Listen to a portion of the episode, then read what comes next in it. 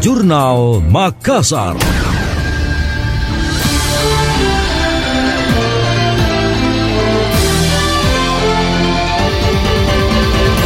Layanan angkutan massal teman bus Transmami Nasata diwacanakan bakal berbayar di akhir Oktober 2022 ini. Teman bus diketahui telah beroperasi di Sulawesi Selatan sejak November 2021 tanpa berbayar alias gratis. Kepala UPT Transmami Nasata Andi Nurdiana mengatakan tarif bus Transmami Nasata telah ditetapkan. Namun pihaknya masih menunggu keputusan Kementerian Perhubungan terkait alat yang digunakan untuk pembayaran. Aturan pembayaran teman bus rencananya diberlakukan di 10 daerah penerima subsidi termasuk Sulawesi Selatan.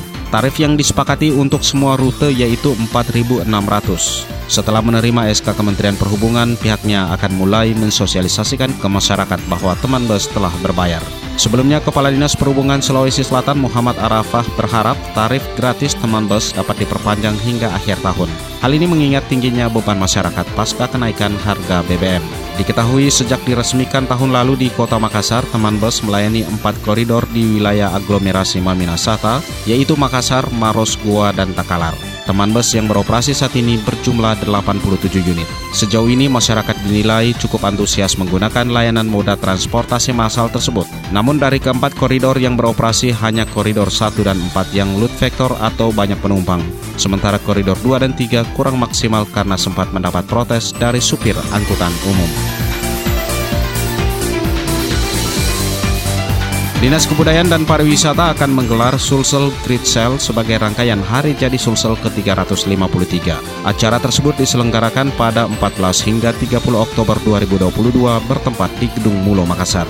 Sulsel Great Sale akan menjadi wadah promosi digital bagi produk lokal Sulawesi Selatan dalam rangka pemulihan ekonomi. Seperti diketahui, perekonomian tanah air, khususnya dari sektor kepariwisataan, sempat terpuruk akibat pandemi COVID-19. Sekretaris Disput Par Sulsel Devo Padavi menuturkan Sulsel Great Sale adalah terobosan penting untuk mempromosikan potensi wisata di Sulawesi Selatan.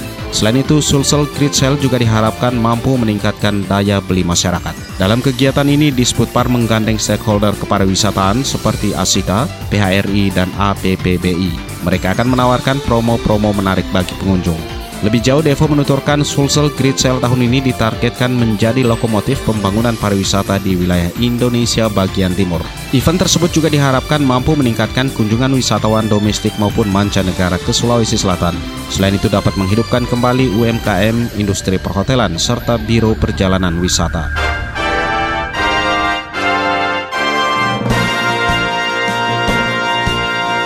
Demikian tadi, Jurnal Makassar.